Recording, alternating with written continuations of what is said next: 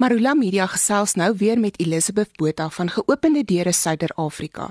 Geopende Deure is 'n organisasie wat 360 miljoen Christene in meer as 65 lande reg oor die wêreld ondersteun en help wat weens hulle geloof vervolg word. Geopende Deure is besig met die Arise Africa veldtog wat reeds in Junie afgeskop het. Elizabeth, kan jy my meer vertel oor hierdie veldtog en wat dit presies behels? Ja, is die ons het moet ons wêreldwaarnemingslys wat in Januarie vrygestel is, het dit gewys dat die vervolging van Christene teen 'n kommerwekkende tempo reg oor die wêreld toeneem, maar veral dan nou in Afrika. En die vervolging van Christene in Sub-Sahara Afrika is absoluut kommerwekkend. Nou, net interessantheidshalwe, daar's meer Christene in Afrika as op enige ander plek ter wêreld. En tog, volgens ons navorsing is 'n konservatiewe skatting dat 95% van die Christene wat in 2022 weens hulle geloof doodgemaak is, in Sub-Sahara Afrika vermoor is, waarvan die oorgrootste meerderheid dan in Nigerië is. So die geweld teenoor Christene reg oor Sub-Sahara Afrika is eenvoudig ondenkbaar, maar die hartseer ding is die wêreld merk dit nie op nie. En nog erger, die wêreld se Christene merk dit nie op nie. Nou die Arise Africa veld tog is daarop gemik om dit te verander met God se hulp. Nou soos jy dit reg gesê, die veld tog het in Junie afgeskop. Dit is 'n 4-jarige veld tog wat ons dan nou saam met Christene reg oor Sub-Sahara Afrika loods om by Christene in Sub-Sahara Afrika te staan om hulle daaraan te herinner dat hulle nie vergeete is nie en dat hulle vir kragtigheid vir Jesus vir ons saak maak. Nou die veldtog begin hierdie jaar met 'n fokus op die Christelike jeug in Wes-Afrika getiteld as 1. Nou ons wil Christene in Afrika en dan nou die jeug in Wes-Afrika hierdie jaar veral bewus maak daarvan dat God se hulp op pad is en dat die kerk in Afrika moet opstaan om hom te ontmoet terwyl hulle dan sy lig omhels selfs te midde van prysternis oor die nasies. En ek en jy het 'n kans om by God aan te sluit in hierdie magtige werk deur dan deel te word van die Rise Africa veldtog. So ons wil graag hê mense moet saam met ons opstaan as een kerk teen gewelddadige vervolging in Afrika. In watter lande word gelowiges die ergste vervolg in Afrika? Ja, dit as ek nou miskien maar net so kortliks aan dit kan raak, weet jy, as jy kyk net hierdie jaar alleen watter voorvalle daar al was van geweld teenoor Christene in Afrika en vervolging dan spesifiek. Vroeger hierdie jaar is daar 17 mense dood en 20 beseer in 'n bomaanval by 'n kerk in die DRK. 50 vroue is tydens twee insidente in Burkina Faso ontvoer en nog kerkleier is brutaal doodgemaak in Nigerië terwyl verskeie aanbidders in Katsina staat in Nigerië ontvoer is. Die mees onlangse was natuurlik die voorval van die verskriklike skokkende aanval op kinders by 'n skool in Uganda wat nou so om om en by 'n maand gelede plaasgevind het waar daar 42 kinders toe nou oorlede is in die voorval en daar ook etlike kinders ontvoer is wat nou nog nie teruggevind is wat spesifiek ook gemik is op Christen kinders. Dit was natuurlik ook 'n Christen skool geweest. Om net nog 'n interessante statistiek uit te lig ons wêreldwaarnemingslys het gewys dat op die oomblik 1 uit 5 Christene in Afrika word vervolg weens hulle geloof. Nou jy vra oor die lande spesifiek Dit is natuurlik die ergste in Nigerië wat nommer 6 op geopende deure se wêreldwaarnemingslys is.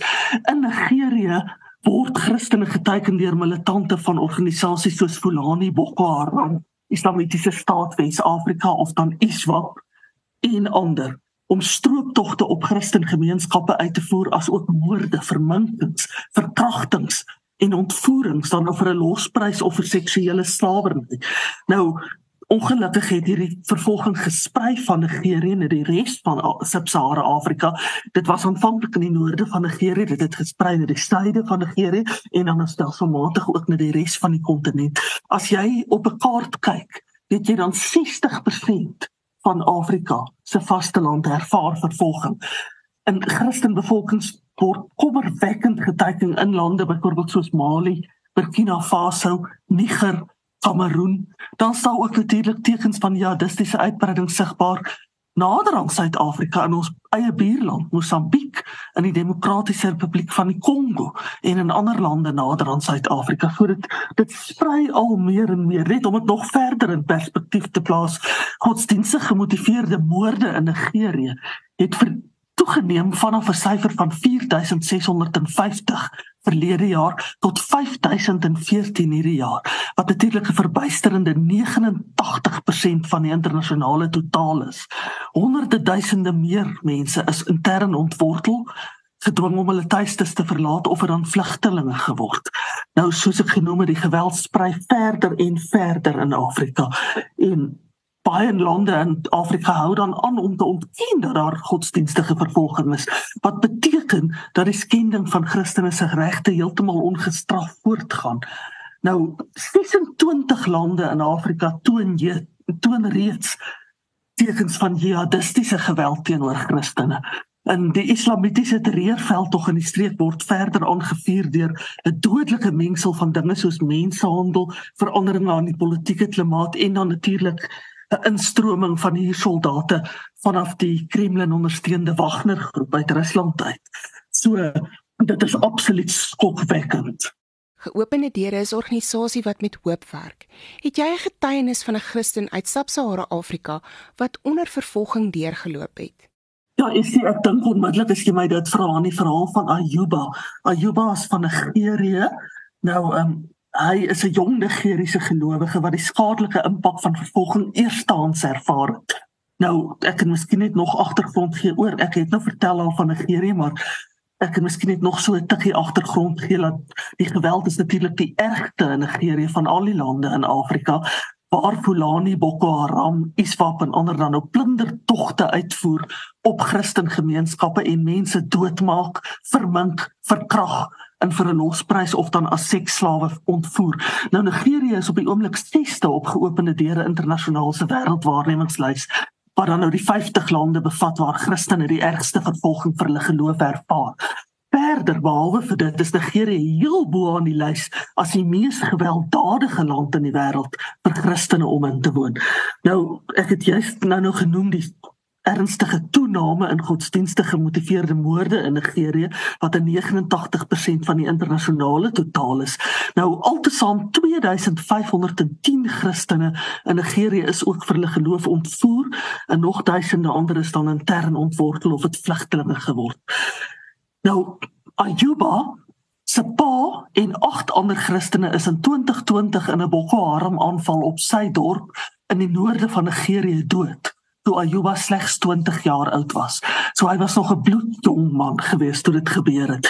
Nou hy onthou die dag toe Boko Haram sy dorp aangeval het nog glashelder. Hy vertel dat hulle geweerskote gehoor het en gesien het dat 'n gebou aan die brand gesteek word.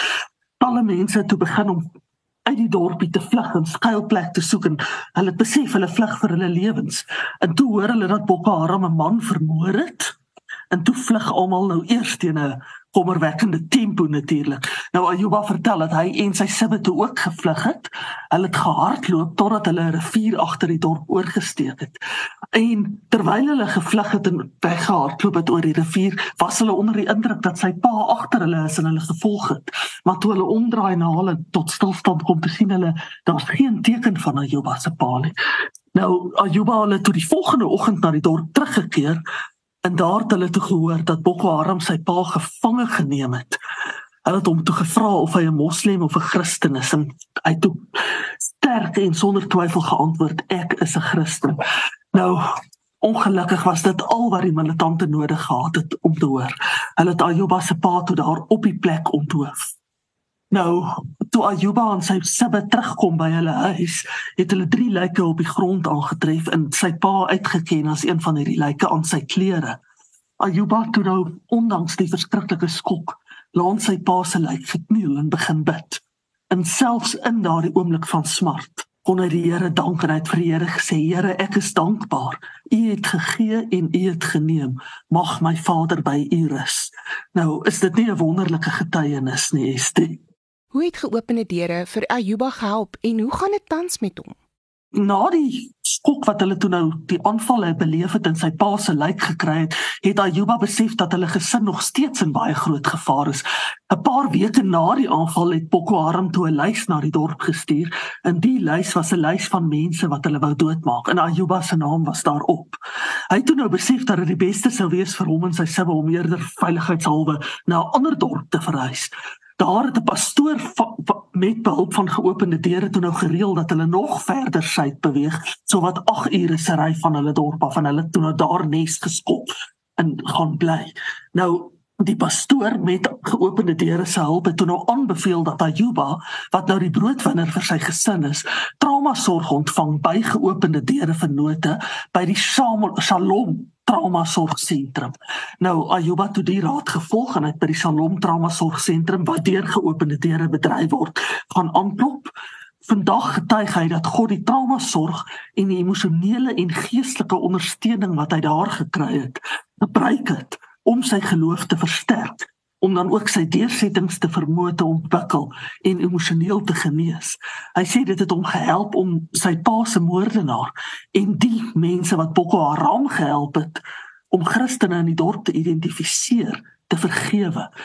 Dit het hom geleer dat hy alles net by die voete van Jesus moet los en dit was moeilik vir hom om te vergewe soos ons almal weet die onderwerp van vergifnis is 'n moeilike ding maar die trauma sorg wat hy toe nou met behulp van geopende deure gekry het het hom gehelp om te vergewe. Nou geopende deure gee by hierdie sentrum hulp aan vervolgde Christene met enige iets van hulle verskaf Bybels aan hulle. Hulle verskaf Bybelse materiaal aan hulle soos ek nou genoem het hulle gee trauma sorg aan hulle.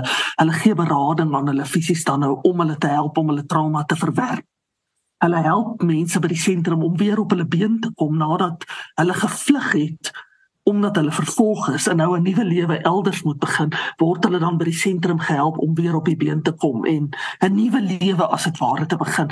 En baie mense getuig ook dat hulle dan daar weer openlik die Here kan aanbid en leer hoe om die evangelie te versprei en dit dan verder te neem nadat hulle weer op 'n ander plek gevestig is ons help ook natuurlik mense met noodleniging daardeur dinge soos huisvesting, kos, klere, jy weet enige iets wat hulle nodig sou hê nadat hulle gevlug het weens vervolging. So ja, ons help op al hierdie maniere vir Christene by die tipe sentrums om dan weer op die been te kom. En Ayuba soos ek jou vertel het getuig nou vandag dat hy genesing gevind het, dat hy vergifnis kon vind in sy hart en dat hy basies 'n nuwe lewe kon vind danksy geopende deure se hulp. Hoe kan luisteraars by geopende deure se Arise Africa veldtog betrokke raak? Dit is die ek wil 'n beroep doen op luisteraars om betrokke te raak. Ek het nou Ayuba se verhaal vertel en luisteraars en ander mense se betrokkeheid aan jong mense soos Ayuba help om van hulle trauma te genees as hulle vervolg word weens hulle geloof en dit kan ook help om die kerk in Afrika te beskerm deur dan in die behoeftes van vervolgde gelowiges te voorsien. Nou daar's verskillende maniere waarop mense kan betrokke raak en help. Eerstens wil ek noem mense kan die maklikste manier om betrokke te raak is besoek ons webtuiste, gaan na die direkte skakel om betrokke te raak, dan kan jy daar onder op vyf maniere klik waar jy dan betrokke kan raak. Die webtuiste met die skakel is www.opendoors.org.za/afr vir Afrikaans staan op vir Afrika. Kom ek herhaal hom net weer www.opendoors.org.za/afr AFR staan op Afrika. Nou een van die opsies wat hulle kan kies om betrokke te raak natuurlik is deur gebed. Jy weet, ons hoor in Jakobus 5 vers 16 die gebed van 'n gelowige het 'n kragtige uitwerking. En mense kan saam staan en dan hier inteken vir geopende deure se gratis gebedsgids deur net hulle besonderhede daarin te vul en hulle kan dan die gebedsgids gebruik om vir vervolgde gelowiges in Sub-Sahara Afrika te bid.